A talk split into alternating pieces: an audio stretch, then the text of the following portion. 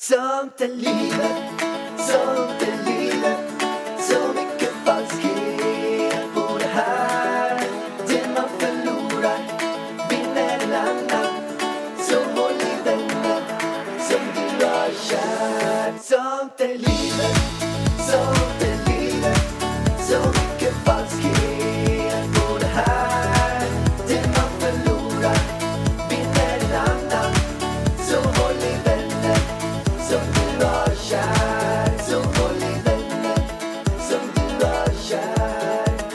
Ja, sånt är livet, sånt är livet Så mycket falskhet bor det här Där man förlorar vinner en annan Oj, oj, oj, oj, oj. Där försvann takten. Du tappar takten. Ja, jag tappade takten. Men alltså, jag älskar sånt i livet-låten alltså. Det är så många som skriver in och frågar eh, vem, vart man kan hitta den här låten. Du borde lägga ut den på Spotify. Ja, fast det är ju inte våran låt. Det är ju Kalle Stenbeck som sjunger och har producerat låten. Jo, men vi kan ju... Den här covern. Vi, det är skitsamma som har gjort den. Vi borde få ut den på Spotify i alla fall. Ja, men, du kan ju inte lägga ut någon annans låt på Spotify. Nej, men jag får väl Det får ringa Kalle Kalle, och fråga om han kan lägga ut den på Spotify. Ja, det är ju Kalle som får göra det. Men den är superbra. Han borde typ alltså, göra en hel låt. Verkligen. Han borde köra hela låten. Yes. Vartas, berätta om din vecka. Eh, ja, det har varit fullt ös den här veckan. Eh, först, det började ju med att vi gick upp supertidigt, jag och Elvis, för att åka till Nyhetsmorgon. Så Elvis har alltså gjort sin tv-debut. Och jag, alltså jag var så nervös inför det här. För Elvis har ju liksom de senaste veckorna blivit en lite mer livlig bebis. Och det räcker inte längre att bara ta upp honom på axeln och så somnar han när han skriker. Nej, nej, utan han ska ju aktiveras och han vill absolut inte sitta still. Det är skittråkigt. Alltså det värsta han vet är ju typ när man sitter still med honom i en soffa. Och det var ju exakt det vi skulle göra på Nyhetsmorgon. Så jag bara, åh herregud. Så jag hade ju förberett dem innan. Jag bara, om han nu börjar bli lite livlig kan jag gå liksom bakom soffan här och ställa mig upp och guppa lite för att det gillar han mycket bättre. Så de hade liksom, ja ah, men ställ dig här och la la la. Nej men vad gör han? Han totaldäckar. För att han älskar folk. Han älskar när det är mycket folk så han liksom bara somnade sig. Han sov igenom två stycken eh, intervaller där i direktsändning.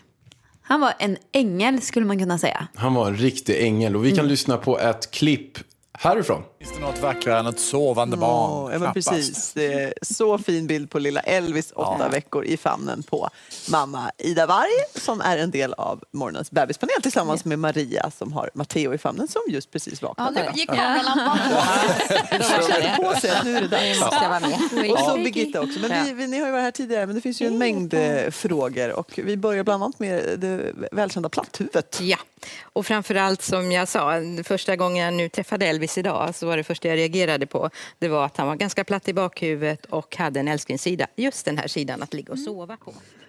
Ja, nej men alltså ni hör ju. Och det, det bästa av allt med Nyhetsmorgon det var att jag fick lära mig så mycket. Alltså jag lärde mig mer på den lilla stunden på Nyhetsmorgon än vad jag har gjort liksom på, eh, på BVC eller på BB. Alltså jag fick så mycket bra information om amningen. Äntligen har jag fått Men svar på amningen. Här måste vi ändå dra en jävla fet sågning på de barnmorskor som vi har träffat. Ja, men eh, vi kan inte bara såga dem Jo, så. men lite grann kan jag ändå tycka att de ska ha en bassning. Alltså vi säger så här, hade jag jobbat som barnmorska i 20 år, 10 år, 5 år och någon hade kommit in och sagt så här, du, jag har jätteont när jag ammar, jag har haft det två månader, det går inte över. Mm. Då säger de så här, Jo, men eh, det är ingen fara. Det är nog... Alltså det är lite Nej, grann jag som vet att man inte ska vad gå... det kan vara, nej. Det är typ som att man ska gå och träffa en mormor lite grann. Man kommer dit, de säger, alltså ofta, inte något vettigt. Och sen så är det med att de ska vara den här trygga och snälla och sköna. Ja, allt ser det är inget jättebra fel med ut. honom. Det ser jättebra ut, allt ser bra ut. Nej men det här då? Nej men han är jättefin, han är lite go- han är putti putti putti putti. Ja, Men det är är ju klart, lite hej då. så. Lite så är det, att man träffar typ sin mormor och typ ska bli bjuden på kakor.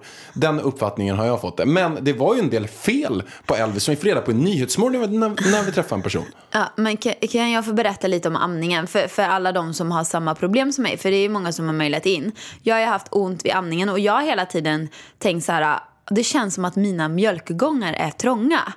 Eh, och att det är därför som det gör ont. Och när jag har sagt det till eh, mina barnmorskor så har de har bara... du sagt det till? Nej men alltså du, du har ju varit med också när jag har Men sagt det. Lätt tio personer har jag sagt det Lätt till. Lite tio överallt. olika personer, amningsexperter och allt vad det nu är. Nej, nej, det har vi aldrig hört om. Nej, nej, det... Kämpa på lite till. Det går över snart. Det, Det går över. Och jag bara, men nu har det ju gått två månader. Det går ju fan inte över det här. Eh, och hon jag träffade i Nyhetsmorgon, hon bara, ja men det skulle kunna vara eh, trånga mjölkgångar. Jag bara, Jaha, det finns något som heter trånga mjölkgångar, att man kan ha problem med det. För det är ingen, ingen har bara nej, kollat på mig och bara nej det finns, nej det, nej, Och det det kan inte vara det. till, det sjuka till det här är, det är också att eh, Ida har sagt svaret till alla de här. Hon har sagt att det känns som att det eventuellt är så här, Trång. trångt, att det är för litet eller något. De bara, nej men det ska vara så lite grann. Det är så att vissa har högre smärttröskel och andra har lite mindre Ja, jag har jävligt hög smärttröskel kan jag ju tillägga också. Eh, så hon sa, nej men det är bara att vända barnet åt andra hållet. Jaha, nej men kunde de inte ha sagt det till mig lite tidigare då som jag har kämpat? Alltså man ska vända röven på barnet in mot armhålan istället. Förstår, ni, förstår du vad jag menar? Alltså för, för röven brukar ju ligga liksom åt andra bröstet eh, när man ammar. Så då skulle man bara vända den in i armhålan. Det ser lite konstigt ut, det känns lite konstigt så. Men då liksom får barnet bättre sug och det rinner enklare i mjölkgångarna. Ja, men det var ju tråkigt att vi då har slutat ammat nu då. Eh, så att jag test, har ju inte testat det här om det funkar. Men hon sa att det skulle att det funkar. Så jag pumpar bara nu. Så nu är det flaska och pumpning. Och sen så var det ju det här. Jag kommer dit i fredags. Eh, fredagen innan, den måndagen, så var jag hos barnläkaren till och med på BVC. Och när jag kommer dit, jag bara... Alltså, har inte Elvis lite platt huvud? Är det någonting jag liksom ska tänka på? Nej, gud. Det är inget platt huvud här. Nej, nej, nej. Det är ingen fara. Det är Jag ingen fara. Ta en Kan han kaka ligga här." på, på ryggen i babygymmet och i babysitten? Ja, men det är ingen fara. Folk har så mycket åsikter. Jag bara, okej, ja, ja, tänkte jag. Okej, men hur ser platt huvud ut om vår son inte har platt huvud? Det måste vara jävligt platt. Så kommer vi till Nyhetsmorgon. Det första barnmorskan säger, du, du skulle behöva tänka på Eh, Elvis att ha kudde och så för att han har platt huvud. Jag bara, återigen en grej. Jag bara, men alltså kan vi inte lita på de här jävla barnmorskorna? Som, alltså, va? Jag har till och med frågat, har han platt huvud? Och den här barnmorskan kollar ju knappt på huvudet. Hon bara, nej, han är så fin lilla Elvis. Okej. Så nu måste vi ju tänka på det här äh, med platt huvud. Att han är, det är ingen fara sån på Nyhetsmorgon. Herregud, det är absolut ingen fara. Eh, för han är ju fortfarande så liten och så. Så vi ska bara tänka på det. Och sen sa hon också en annan grej. Hon bara, men har inte barnmorskorna sagt att han är sned? I nacken. Han kollar nämligen bara åt ett håll. Jag bara, nej, det har de inte sagt heller. Det enda barnmorskorna säger till oss, det är hur mår ni?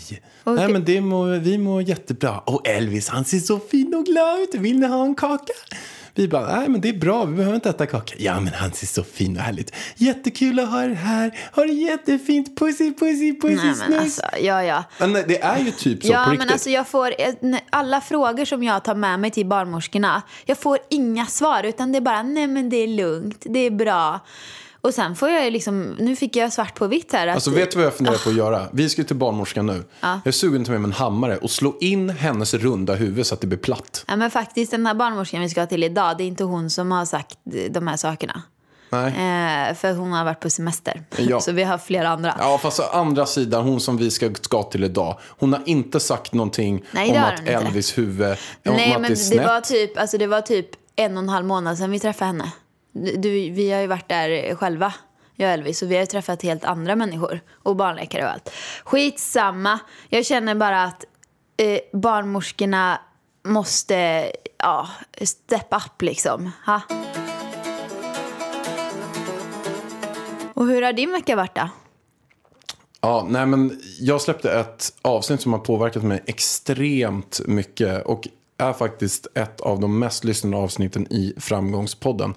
Ehm, men det är så att jag träffade Annika Östberg som har suttit 30 år i fängelse för dubbelmord. Hon var som 14-åring så började hon med heroin. Som 15-åring blev hon prostituerad.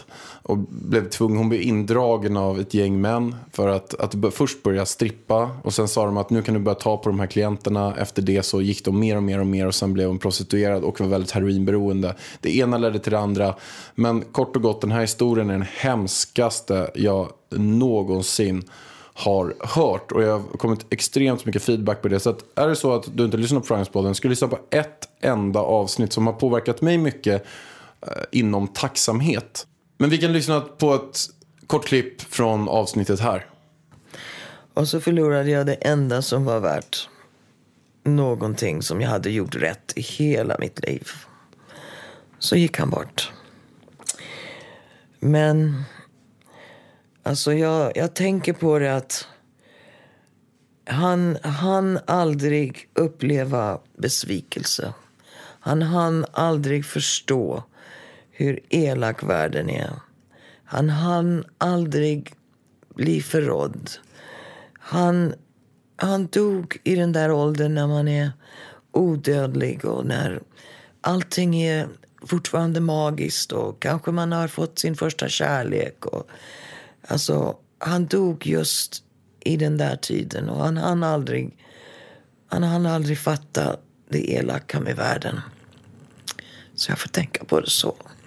Ja, men det här var så otroligt hemskt. Och i, i det här segmentet när hon berättar om sin son som dog så bröt jag faktiskt ihop också. Så vi satt och grät ihop här.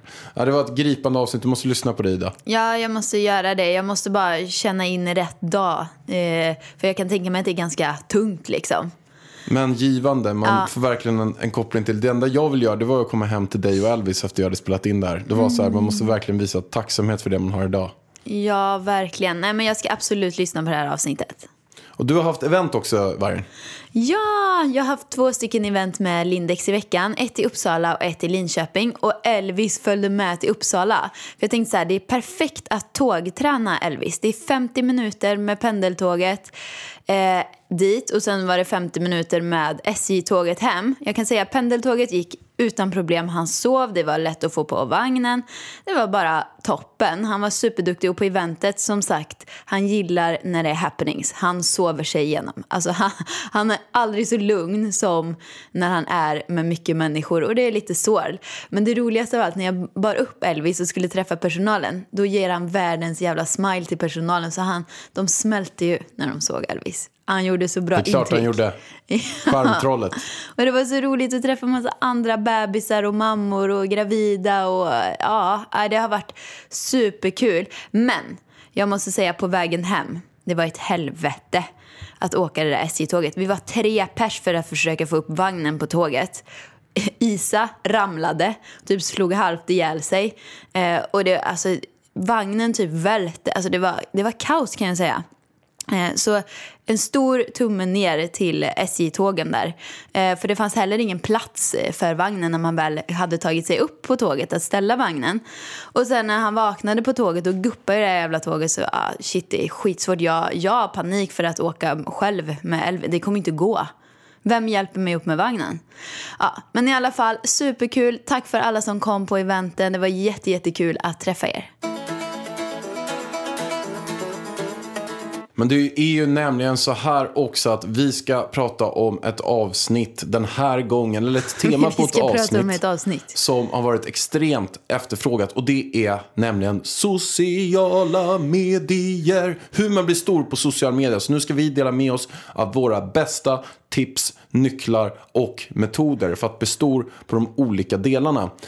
Och vad ska vi börja på? Ska vi börja på podd? Ja, men det är så här, jag, får, jag får jättemycket frågor om just det här. Men jag har ett Instagramkonto, hur ska jag kunna jobba med det här och hur ska jag kunna tjäna pengar på det här? Och hur startar man en podd, hur gör man?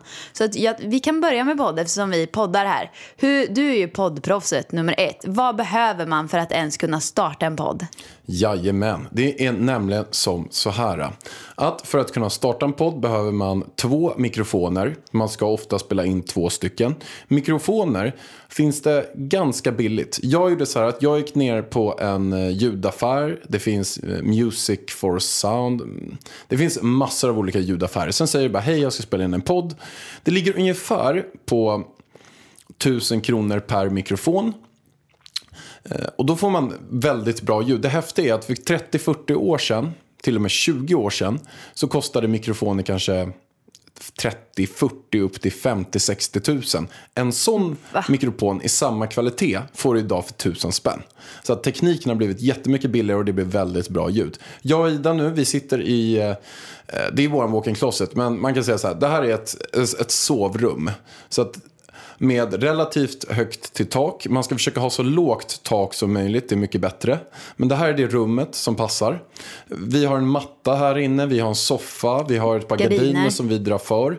Eh, Till de här uh, mickarna har vi också en uh, ljudisolerande Skärm. skärm, C-formad skärm. Och den kanske kostar 700-800 spänn också. Men man kan säga så här, våran poddutrustning som vi sitter med just idag kostar ungefär 2000 kronor per set. Så att 4000 kronor. Sen behöver man också ett ljudkort. Då har vi ett digitalt ljudkort som heter Apogee Duett. Det är lite dyrare, det kanske kostar 4000 där någonstans. Eh, men det finns också billigare ljudkort. Och det är lättast man kan säga så här, gå bara ner till en ljudaffär och fråga. Man kan också köpa ännu billigare grejer, sådana mickar som du och Viktor Frisk Nej, men hade alltså, nu, förut. nu, det, det här är ju ett ganska alltså, avancerat ljudsystem vi har. Och den här skärmen det har vi för att vi har typ fyra meter i tak och det ekar annars. Så att jag kan säga som så här, är man ny på podd så skaffa inte den här ljudutrustningen med en gång kanske. Om man vill testa på att podda. Då kan jag verkligen rekommendera, alltså iPhone funkar jättebra med ljud kan jag Verkligen. säga. Så på iPhone kan man absolut spela in. Och Eh, gud, hur gjorde jag och Victor när vi spelade in på iPhone nu igen? Jag tror att vi ringde upp. Eh, Jag kommer inte ihåg, Nej, men, men- det är i alla fall väldigt bra ljud på iPhone. Så man får ha varsin, men man kan ju inte vara i gör- samma rum. Man ringer på Skype. Ja, man Så måste att- ringa via datorn och ha hörlurar och sen spelar man in ljudet på iPhone. Och så måste man vara i två olika rum. Eller så köper man de här Zoom 1-mickarna som jag och Victor hade. De var skitbra tycker jag. Det var bara att trycka på en röd knapp och så spelar man in. Men då måste man också vara i två olika rum när man gör det. Så då får man prata med varandra i telefon på hörlurar. Det är också ett superbra tips. Jag vet att eh, det är ett gäng superstora poddar som använder de här Zoom och har gjort det ganska länge. Så, så det räcker verkligen. Jag, när jag spelade in min, min podd med Rebecca Stella i Framgångspodden så använde vi faktiskt bara iPhone också. Och det avsnittet låter bra. Och jag vet Ja, att ja. deras podd så spelar de in jag vet inte, jag för mig att de spelar in på iPhone också. Det är så pass bra nu för Mm. Jag tiden. tycker inte att Skype blir så bra. Men jag tycker att iPhone blir jättebra. Faktiskt. Så att, eh, när jag frågade United Screens när jag skulle göra ljudupptagning till min video, när man skulle göra voiceover på videon. Då frågade jag vilken mick är liksom bäst. De bara, kör iPhone. Den är svinbra. Och har man som oss ett rum som inte är så, ja, men som ekar lite grann när det är högt i tak och man inte har så mycket tyger och sånt. Då kan man faktiskt lägga en filt över huvudet. Eh, så att man gör ett litet rum. Des, ju mindre rum desto bättre, eller hur? Verkligen, ju mindre rum desto bättre. Så att, många gånger när jag har spelat in intro, eh, när jag pratar om det här i början, då spelar jag alltid in det hemma och då har jag ibland tagit någon så jacka huv- över huvudet eller någonting sånt. Så att kort och gott så här, det är bra då att vi säger om du ska spela in med din vän, sitt i olika rum, ring varandra på Skype eller på Facebook eller något sånt där. Eller något sånt där. Jag körde även när jag spelade in vissa delar med Alex Schulman. Så ringde vi, då körde vi Facetime. Men, men sen har ni bara kort och gott röstmemo på er iPhone. Det kommer bli tillräckligt bra kvalitet. Men sen kommer vi till nästa grej. Ni har spelat in er podd. Vad är då nästa steg? Ni ska få ut den. Ni vill gärna komma in med den på iTunes. Jo, då finns det ett system som heter Libsyn. Som eh, jag har för mig att det är gratis till en viss nivå. Om man börjar producera mycket poddar då kan det börja kosta. Men där kort och gott kan man bara ladda upp det. Och sen är det, finns det manualer på nätet hur man får in det på iTunes. Men det är faktiskt ganska enkelt. Man behöver Podcast Connect. Man behöver logga in med sitt Apple-ID på Podcast Connect. Och där behöver man lägga in RSS-fil som man får via Libsyn. Så att Libsyn är ett uppladdningssystem kan man säga där det dyker upp överallt utom iTunes. Så att, men då finns det en RSS-fil där. Det är egentligen, man kan säga en webbadress för podden när man har laddat upp den. Den lägger man in i Podcast Connect och sen trycker man bara på submit. Och då brukar det ta 24 timmar till runt tre dagar att få upp den på iTunes.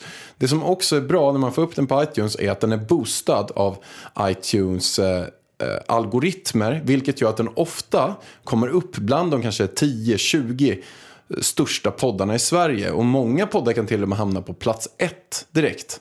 För att eh, den har en algoritm som gör att den tar på nya prenumeranter. Det är därför som många nya poddar direkt hamnar på plats ett. Vilket gör att man blir motiverad att verkligen fortsätta.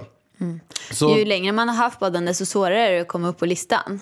Mm. Eller hur? Absolut. Sen är ju lite grann med, med podd då, då. Det är bra att beroende på vad man har för syfte med den. Men om det är så att man har ett syfte att många ska lyssna på den. Lägg upp det på din Facebook-sida. Lägg upp det på din Instagram. Lägg upp den på Instastory eller på LinkedIn eller Twitter. Försök sprida dina kanaler. Jag har ju lyckats bygga Framgångspodden eh, för att jag har haft med en massa stora gäster. Och det är så som jag har byggt också mitt eget varumärke. Det var ju, Ida var ju en influencer och välkänd innan. Men jag hade ju typ bara 700-800 vänner på Facebook. Men genom att jag har fått massa gäster som gästat mig har de spridit det. Och det är så som den har blivit väldigt stor. Och sen är det klart när jag och Ida drar igång våran Sånt är livet-podden. Nu har ju jag mina följare och fans och du har dina. Vilket gör att det har inte varit något större problem att få den här stor. Men Jag har jobbat många år för det. vi har jobbat många år. Och också något som jag tycker är otroligt viktigt. Som väldigt många missar. Det är att man måste ha bra content. Bara våran podd nu. Sånt är livet-podden. Så är det så att vi har en person som går igenom den här. Klipper bort det som är dåligt. Det som kanske vi kan svara på samma frågor flera gånger. Vi kanske säger eh, jättemycket liksom. Eller exakt vad som helst. Av en som redigerar det. Så att, och det har jag också gjort när jag började med Framgångspodden, de 100 första avsnitten. Så det är något du kan tänka på, att lyssna igenom podden. Klipp bort det som ni inte tycker är bra. Spela in lite för mycket och tajta till den. För det är trots allt contentet. Kommer leverera bra content, då kommer det också att bli en bra podd. Men vi har missat ett steg. Vilket program är det man använder när man klipper? För, för, för jag antar att man inte bara anställer en klippare med en gång. Utan man får ju redigera. Det är inte särskilt svårt att redigera en ljudfil så. Nej, det är du helt rätt i. Det är faktiskt extremt enkelt. Jag använder mig av Logic Pro X och som jag sa innan så de 100 första avsnitten då valde jag vad som skulle vara bra. Man går bara in, lägger in de här mp3-filerna som man får, eller AIF-filer kan det heta också. Ehm, och sen lägger man in dem i programmet på två spår. Och sen klickar man på en sax och sen lyssnar man och sen klipper man bara och tajtar till och sen bouncear man ut det till en Ja. mp3-fil. Så är det typ Det här kort finns gott klart. garanterat klipp på Youtube hur man gör om man liksom eh, känner sig osäker. Ja, väldigt, väldigt enkelt. Men jag använder mig av Logic Pro X. Mm. Det finns också gratis program. Jag för mig att Garageband det har varit gratis. Jag vet inte om de har ta, börjat Ja, ta det är betalt för det. väldigt krångligt när vi har försökt använda det. Det är så här, ja, så klipper man och sen så bara, ja, nu måste du köpa till något. Alltså, så det kan, det kan ju vara det som är det dyraste då i början, att köpa det här programmet eh, som det- man klipper i. Det finns säkerligen gratisprogram också. Jag vet att det finns ett Ja. program som heter Audacity. Som man också Ja. kan klippa i. Men de får mycket googla på det, gratisprogram. Nu tycker jag vi går vidare till YouTube. För det är ju väldigt många, så det är väldigt populärt med YouTube nu också. Nej, men jag tycker att vi har missat en grej. Bara. Vi måste också prata om att hur man får podden stor. Nu har vi pratat om hur man får podden bra. Och, och där kan du också komma in med bra inputs. Men ska vi inte ta det i slutet, för det är ju lite gemensamt med alla, eller? Eller tycker du det? Nej, vi kör det nu. Okej, men kör. Eh, Det som jag har gjort som sagt är att bjuda in gäster som sprider hela tiden. Och i början, då var det, eh, hade jag vissa gäster som inte någon känner till, men de hade jättestarka eh, fans. Eller jättestarka, mycket, mycket vänner. Alltså så nära vänner som gillade att sprida det. Vilket gjorde att några av mina mest lyssnade avsnitt var inte de som var superstora i Sverige. Det, det var några som hade ett eng, stort engagemang. Så att om ni skulle starta en podd, du och en kompis, och ni kanske ni vill prata om, eh, vi säger eh, hästar. Bjud in någon av era hästkompisar då och då. Och ha bara tre stycken som pratar om hästar. Och sen kommer den här personen dela det. Så kanske ni gör så varannat, var tredje avsnitt eller något. Eh, För att få den här spridningen. Det som också är att det är bra att släppa en podd varje vecka. Och tänk på också att det ska vara exakt samma tid, samma dag, så att lyssnarna tänker på det. De sämsta dagarna på att släppa en podd brukar vara fredagar. Fast det kan man inte säga. Det, det har du ingen aning om. För att de största poddarna i Sverige släpps just på fredagar. Så det där kan ju inte stämma. Alltså Alex och Sigge, eh, Hanna och Amanda. Alltså alla de släpper ju på fredagar. Ja, det, Och det har ju gått ganska det bra för dem. Jo, det, det har ju absolut gått. Ja. Men jag skulle säga fortfarande att jag tror att sämsta dagarna är på fredagarna. Och det är för att man gör annat än att lyssna på podd. Man går ut och käkar middagar. Allmänt social media är, är fredagar den sämsta dagen. För då går man ut kanske och festar, man drar middagar och vad som helst. Så att jag, även om det, det finns självklart många stora poddar som släpps där. Så min podd släpps på onsdagar, Men- podd släpps på söndagar. Vi Jag tror släpper att det spelar inte så stor roll på poddar vilken dag den släpps faktiskt. Bara man släpper samma dag och eh, följarna liksom känner sig trygga med att eh, den kommer den här dagen. Eh, så tror jag att alltså, det räcker. Liksom. Sen så kan fredagar vara sämst i och med att det kommer så många poddar på fredagar nu. Eh, och då kanske man ska ta en annan dag så att man sticker ut lite. Eller? Ja, ja, skitsamma. Eh, regelbundenhet. Eh, ja, jag tycker vi går vidare till YouTube nu. Och där är ju jag ett YouTube-proffs skulle man kunna säga. Jag har också börjat med Ja, YouTube. fast jag har lärt dig allt jag kan. Ha, Det har jag inte gjort. det har du jag visst det. Du, jag är YouTube-proffset här. Du är YouTube-proffs, Ja. no shit about it. Men jag ty- ska bli spännande att höra på dig nu med dina värsta, bästa tips och råd. För att du har inte berättat dem för mig. Ursäkta? Du har frågat mig allting. Din klippare har frågat ut mig om allting. Det visste inte jag ens om. Nej, precis. Jag har lärt er allt om thumbnails till exempel. Ja, men fortsätt, börja, börja Ja. istället. Börja från början. Ja, men för det första så gör ju många felet att de införskaffar sig världens dyraste kamera. Och sen så liksom, nej men det här var inget för mig. För YouTube är ganska krävande. Så att börja istället filma med mobilen. Alltså har man en iPhone så funkar det att filma med mobilen. Och då måste man ju vända den liksom på den breda sidan. Så att man inte filmar som i story, smala sidan. Ivan OnTech, min polare, Ivan Liljeqvist som har en av de största YouTube-kanalerna för eh, bitcoin och eh, blockchain, alltså digitala valutor. Han spelade in, jag tror 0 till 50 000 prenumeranter på sin iPhone. Mm. Var det inte jag som tipsade? Gav Jo, han, eh, var det inte därför han ja, men, fortsätter med YouTube? Men framförallt, du gav han ett jättebra tips Ja. som han eh, tog med sig. Och det var att regelbundenhet och att Ja. man ska inte ge upp. Det lyssnade han på dig och därför så fortsatte han nöta hela tiden. Det kanske var så att hans 30-40 första videos inte gick bra. Men så rätt var det så gick en bra och då bara stack det för honom. Ja. Och nu, vart du veta, så är han ju en av världens största Ja, på, jag... på eh, bitcoin och blockchain. Och han tar betalt runt 200 000 kronor på varje samarbete som han gör. Så att han har verkligen exploderat. Så det var ett väldigt bra tips. Ja, och det är det bästa tipset gällande alla sociala medier. Regelbundenhet och ge inte upp för att det kommer ta tid. Det är så här, ja du kan inte bara lägga upp en liten bild på Instagram, ja den var skitsnygg och sen så tror liksom att eh, man blir skitstor och så håller man på så i två veckor. Nej, man måste fortsätta, fortsätta, fortsätta. Både, alltså jag har hållit på i så många år och det tog lång tid innan jag fick många följare och kunde tjäna pengar på mina sociala medier. Men YouTube, filma med en mobilkamera till en början med. Eller om ni har en sån här, jag, jag kör ju fortfarande med en sån här liten Canon, alltså vad heter det, kompaktkamera, alltså vanlig liten kamera. Eh, och den är bäst tycker jag. Den går alltid att lita på, den har autofokus och allt sånt där. Eh, så filma med något sånt där och sen så klipp i Final Cut Pro gör jag. Jag tycker att det är enklast. Det finns ju någonting som heter Premiere, eller hur?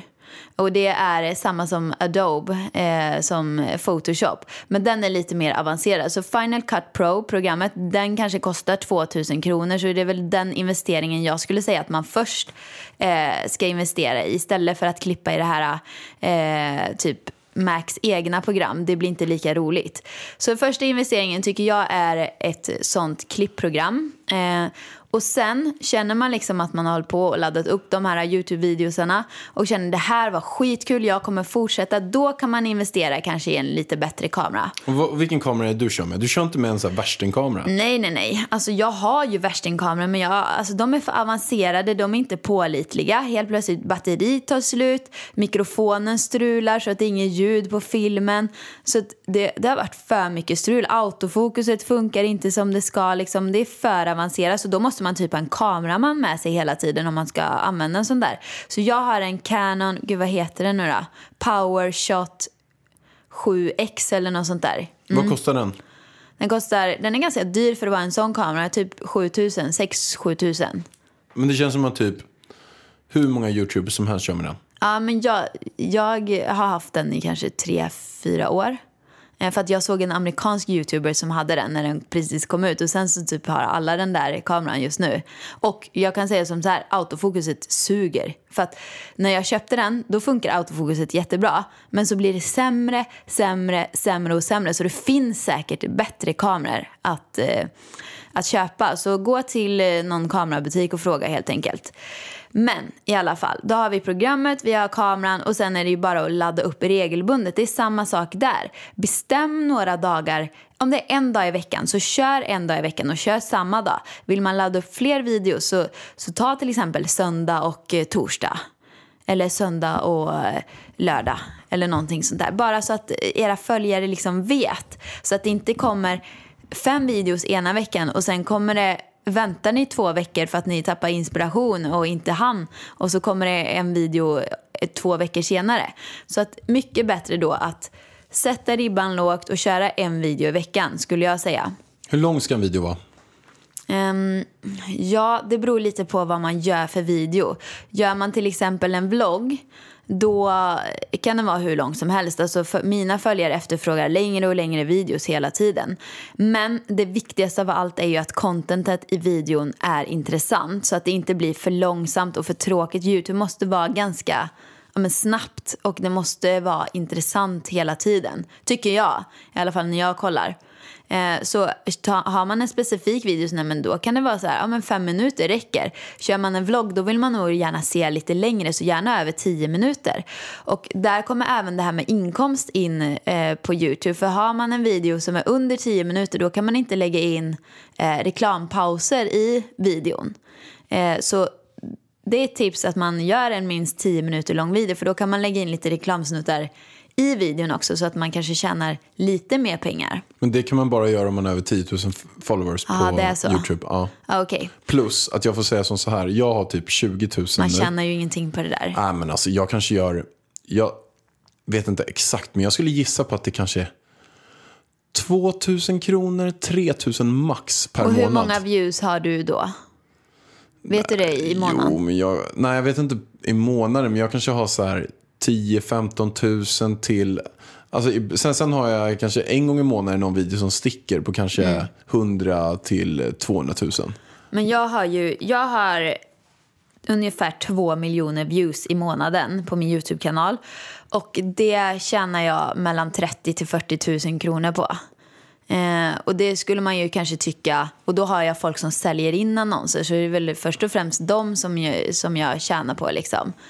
Eh, så ja, nej man, tjän, man blir inte stenrik på, eh, på de annonserna utan det är väl mer samarbetena Ja. i YouTube-videosarna som man tjänar mer pengar på. Ja, där är ju, ja, samarbeten är ju verkligen någonting. Och där kan man nog få... Samarbeten går att få till relativt enkelt. Vi kan göra så här, vi hoppar vidare på Instagram. Och sen pratar vi om hur man ska tjäna pengar på allting. Vad tror du om det Vargen? Mm. Ja, men för det blir det, det är toppen. verkligen ganska övergripande för allting. Men jag känner Instagram, det, det är ju så himla enkelt. Alltså det är det enklaste mediet. Du behöver bara en, en bra iPhone eh, egentligen och ta bilder och sen så typ ladda ner VSCO. Jag glömmer alltid bort vad den appen heter. Men det är filter. VSCO. Ja. Ja, det är, man kan lägga på filter och redigera. Och sen finns det säkert en miljon andra redigeringsappar som är toppen. Men jag använder den. Så det är bara att ta fina bilder, lägga upp och kanske, ja, bara lägga upp regelbundet. Så Instagram är så här, fina bilder.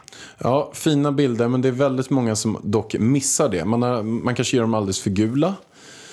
Och, så att det är bra att antingen göra dem kanske lite kyligare eller lite varmare. Lägga lite tid på redigering. Men sen är det väl också att jag gillar exempelvis en app där, Facetune kan jag också gilla. När man ska göra... Så du får säga beauty filter. Nej, inte beauty filter, men om det är typ någonting, vi säger att det är en vägg bakom som är lite, den är grå eller gul eller något sånt där, så kan man ta Facetune och gå in på whitening och sen gör man den vit. Så tar man bara fingret på den här väggen i bakgrunden så blir den vit. Då blir det mycket finare bilder tycker jag också. Vad ska man skriva under en bild av vargen? Nej, men, det beror ju lite på vad man har för konto. Typ som Yoga Girl, hon har ju väldigt personligt eh, konto. Så hon eh, satsar ju mycket på texten. Hon har superfina bilder också. Men hon skriver ju långa eh, personliga texter. Och det är ju därför lite man följer henne. Sen kanske man går in på, vem ska vi säga? Ja men typ som Molly Rusta som jag sa förra veckan. Som jag tycker har väldigt fina bilder. Henne kanske man, ja det räcker med att hon skriver en stjärnemoji under bilden. Så, eh, alltså det spelar ingen roll för att man följer Molly för hennes bilder. Så det är ju lite så här vad man man kanske i början ska bestämma, men vill jag ha en sån här Instagram eller vill jag ha en sån här Instagram? Vill jag ha kanske en recept-Instagram med massa mat? Eh, för, då, för då börjar ju folk som är matintresserade följa och då så tycker jag att man håller det spåret. Eller om man som Molly då till exempel bara lägger upp massa fina inspirerande bilder. Det blir som ett inspokonto. Då, då kommer hon få följare som följer henne för inspirationskonto. Och sen så Eh, kanske man ja, men, har nischar skulle jag säga på Instagram. Träning, mat, inspo, mode. Vissa kör ju bara detaljbilder, liksom, shopping. Eh, ja. Det beror lite på vad man brinner för. Och man väljer inte ut efter vad man ser på Instagram om det här går bra. Fast man själv kanske inte ens eh, har det intresset. Utan välj utifrån dig själv. Men jag kan ta de grejerna som har gått bäst på mig om jag bara kollar på min Instagram. Och det är när jag gör lite spontana saker, alltså in the moment. Om jag är på något ställe, får en känsla och lägger upp det och skriver någonting kopplat till det. Vi säger att jag eh, eh, sitter vid vattnet och sen tar jag en selfie när jag sitter vid vattnet och så skriver jag någonting till det här att nu känner jag mig så lycklig, jag har haft en stressig period, nu känner jag mig jättelycklig, det känns så himla härligt att vara här. Här är han just just nu. Det här är ingen bild som man tog för ett halvår sedan och lägger upp. Och då kan man också tagga sig själv var man är. Det kan vara att vi åker till Åmål exempelvis. Och sen så tar du och jag en bild där att ja, efter den här perioden så är det väldigt skönt vara i Åmål för det här och det här. Men sen också har det gått jättebra när jag har hört roliga grejer. När jag exempelvis bara, så här, några av mina populäraste saker som inte jag trodde skulle bli det. Men det är när jag sitter och sjunger olika visor för Elvis. Så att det är bara kort och gott att jag sjunger, ja, en gång sjöng jag den här låten. Lilla Elvis, akta dig, akta dig, akta dig. Lilla Elvis, akta dig, annars tar jag dig. Bra att göra här roliga grejer eh, på Instagram. Eh, att försöka ge någonting tillbaka, sticka ut på ett eller annat sätt. Göra någonting som skiljer sig. Ja men kort och gott, man kör lite tema på, jag tror att från början, för nu är ju du och jag redan, vi har, vi har ju redan vår följarskara. Så från början så tror jag verkligen på att man ska skaffa sig en nisch på kontot. Yoga, recept, träning, humor är ju jättestort också till exempel. Så att följarna vet varför de ska följa just dig. Hej! Är du en av dem som tycker om att dela saker med andra? Då kommer dina öron att gilla det här. Hos Telenor kan man dela mobilabonnemang. Ju fler ni är, desto billigare blir det. Skaffa Telenor familj med upp till sju extra användare. Välkommen till någon av Telenors butiker eller telenor.se.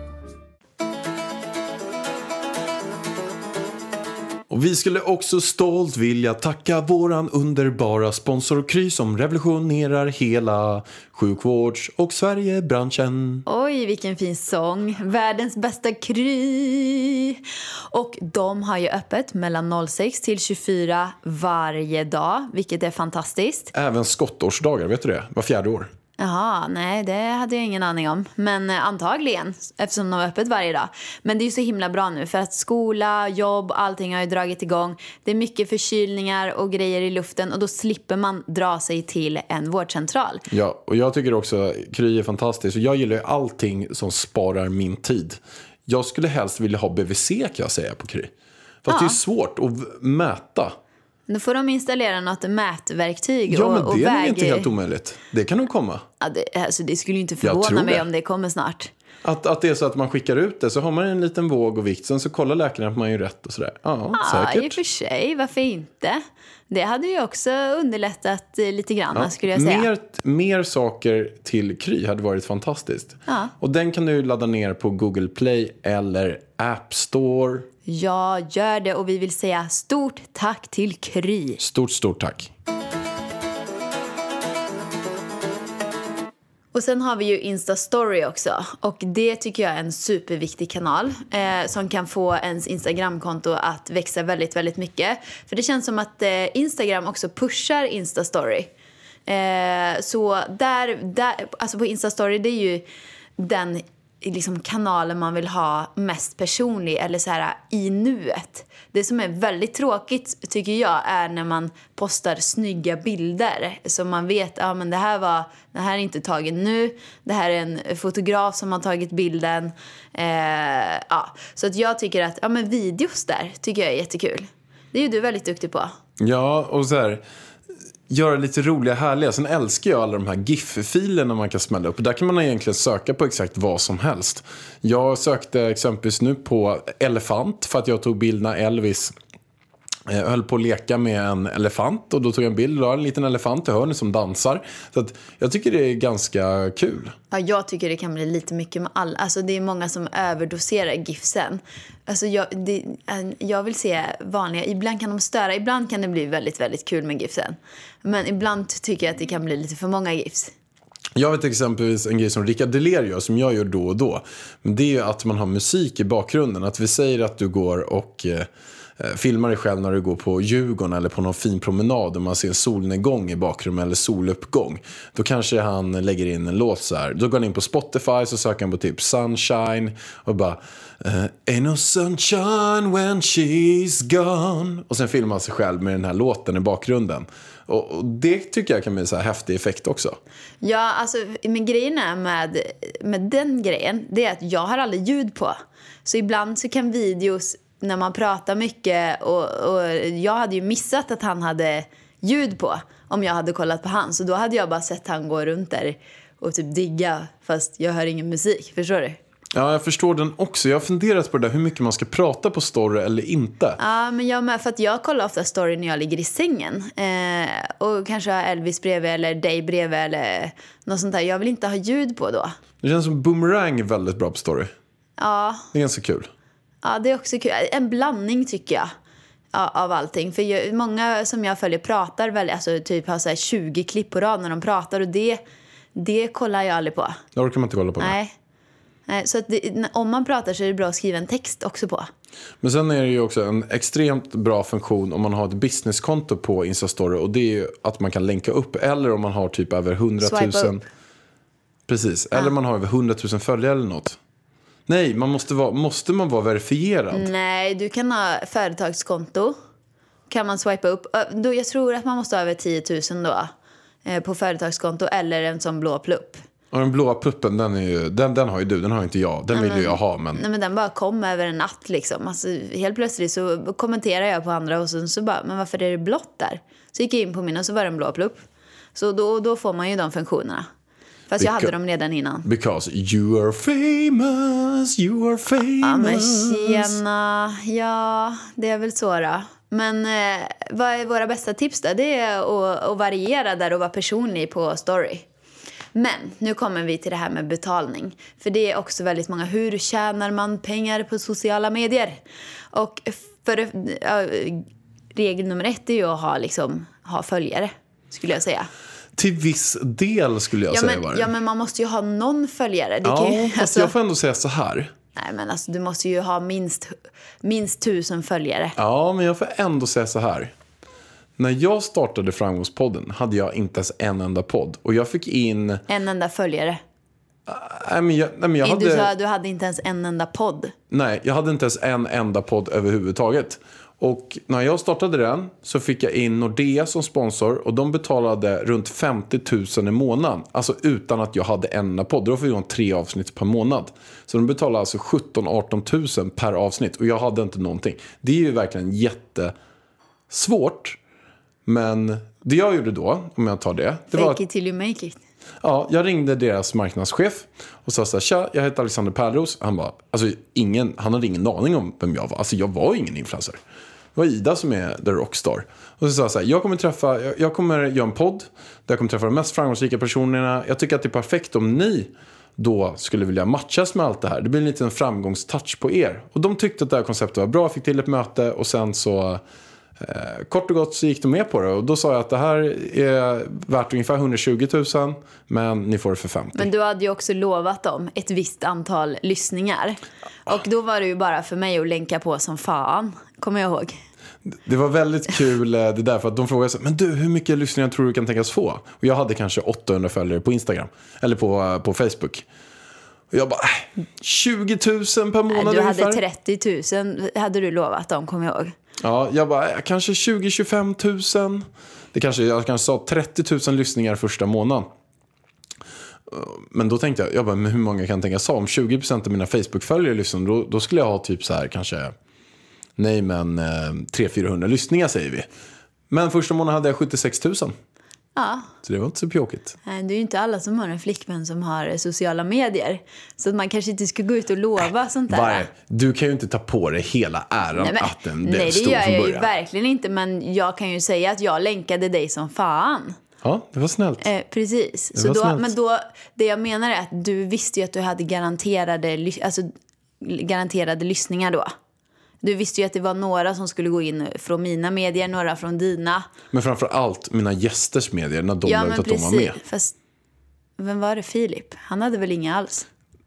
Fast han var ju väldigt intressant. Ja, men jag, jag hade ju fyra gäster förra, första ah, okej, månaden. Så det ah, spreds det var ju. månaden, ja. Okej, Jag hade iSetter som länkade ut överallt, deras nyhetsbrev och Ja men precis, då hade du ju garanterat från gästerna, du hade garanterat från mig, du hade garanterat från din Facebook. Ja, men sen fick jag artiklar, dagens, res- dagens media och resumé och sånt. Så att det, jag jobbade ju bra på PR där också. Ja, det går ju, men för de flesta andra kanske det är så här att Nej, man, ja, går man kanske måste ha några följare innan man går ut och söker. Du är extremt bra säljare också, så då blir det så här, det blir väldigt svårt att gå ut och sälja luft. Då måste man ju vara sjukt bra säljare. Men nu för tiden är det ju så att man tillhör ju oftast något nätverk som är ute och säljer. Eh, det är ju väldigt få som är ute och säljer själv så. Eh, så att man, mm, de flesta börjar ju med kanske får spons via produkter och sådär och börjar göra samarbeten, kontot växer.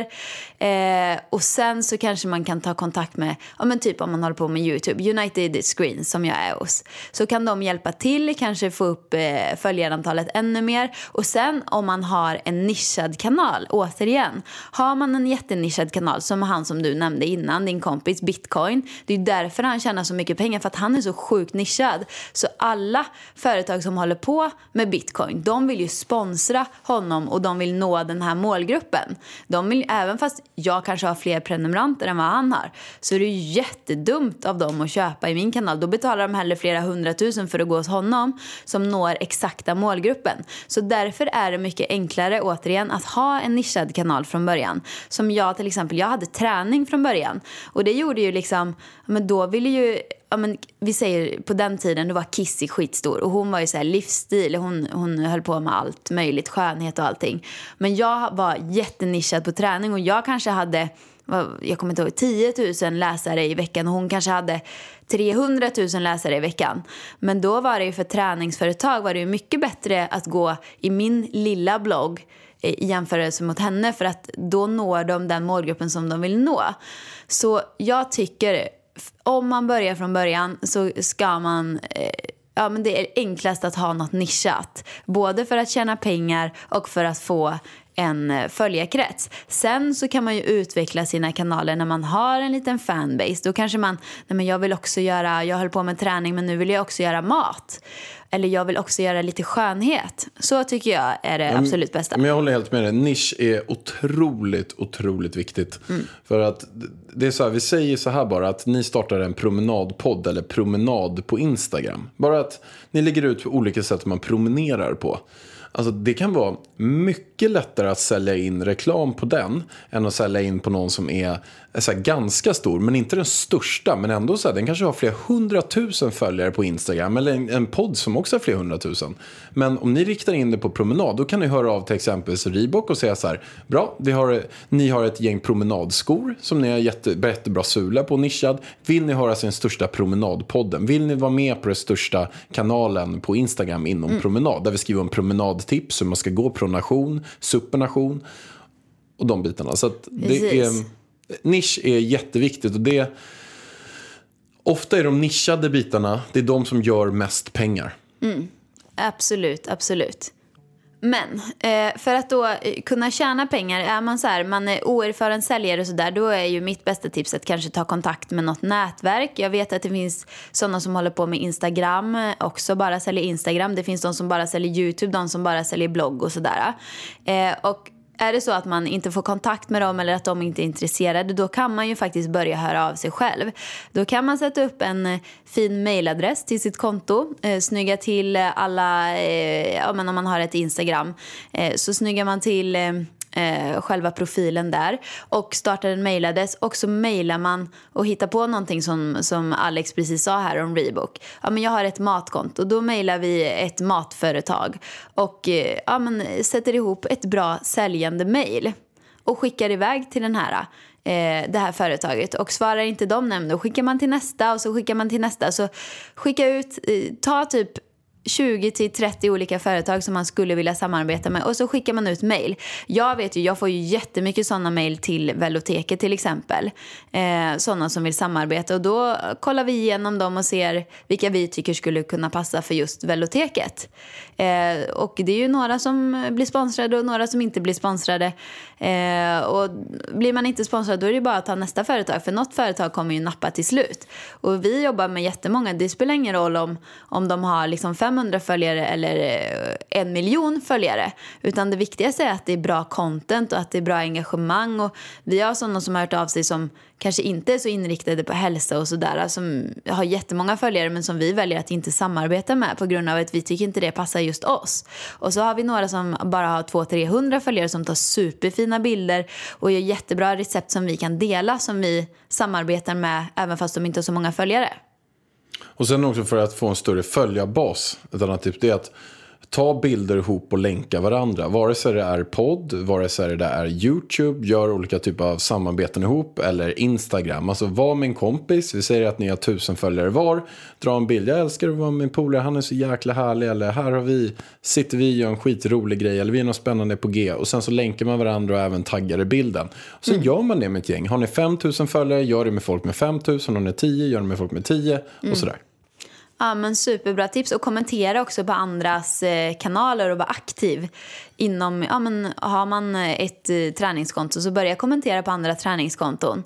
Eh, det tycker jag är bra för då kan man nätverka och så kanske det är några som följer den andra personen i kommenterar som ser din kommentar och går in på ditt konto och ser att ja, men hon har ju ett lika bra konto som den här personen som jag gillar som jag följer. Och så kanske man får en ny följare där. Vet du vad jag gjorde förut? Ja, jag vet. Jag gick in på olika typer av hashtags. Men vi säger då att jag gick in på något med... Eh, jag kommer ihåg när jag var i Almedalen för typ tre år sedan eller något. När jag precis hade startat podden och jag ville ha mer följare till mig själv. Då gick jag in på Almedalen, jag var där på Gotland. Hashtag Almedalen och så likade jag allt på Almedalen. Jag fick ganska mycket följare där för det var ganska relevant och jag var också på plats i Almedalen. Det pinsamma med det var att det kom fram, fram flera till mig. Ah, tjena, det är du som har likat mig på Instagram. För att det var så litet, det var så litet folk där. Gud. Och det var så, så pinsamt. För jag hade ju ingen aning om ens vad jag likat. Och där kommer vi till bland det pinsammaste ever. Vad? När en polare till mig, Börjar inte du följa alla också? oh, det kanske jag gjorde. Jo, det var det du Det gjorde. det du likade inte. Du gick in och följde alla som var på Almedalen. Nej, det var så pinsamt. Alltså, du har, det är därför du har så många, många som du följer. Nej, det är det inte. Nej. Det är ju för att jag följer alla de som har lagt ut. Men det här är Ja. på mitt förra konto. Ja, det var ditt förra konto. Ja. Men hur som var det här är ju sjukast. För jag gjorde ju så här. Jag likade exakt allting på olika hashtags. Men sen så hör en kompis av sig till mig och frågar så här. Men du eh, Alex, vad, eh, vad håller han på med för något? För då printscreenade de när jag hade likat en stor kuk.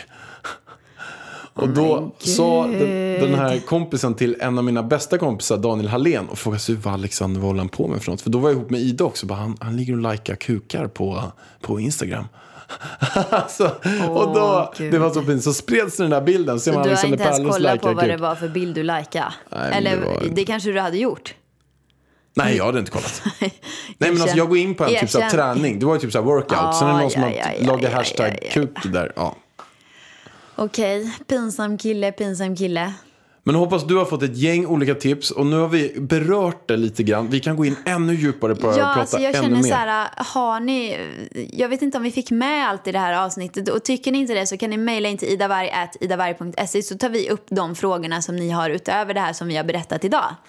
Eh, så gör vi det i eh, något poddavsnitt här framöver. Men nu ska vi kila iväg till BVC. Jajamän. Ha en grym, härlig, bra, dum, fin, snäll vecka. Tack för att ni lyssnade. Puss och kram! Sånt är livet, sånt är livet, så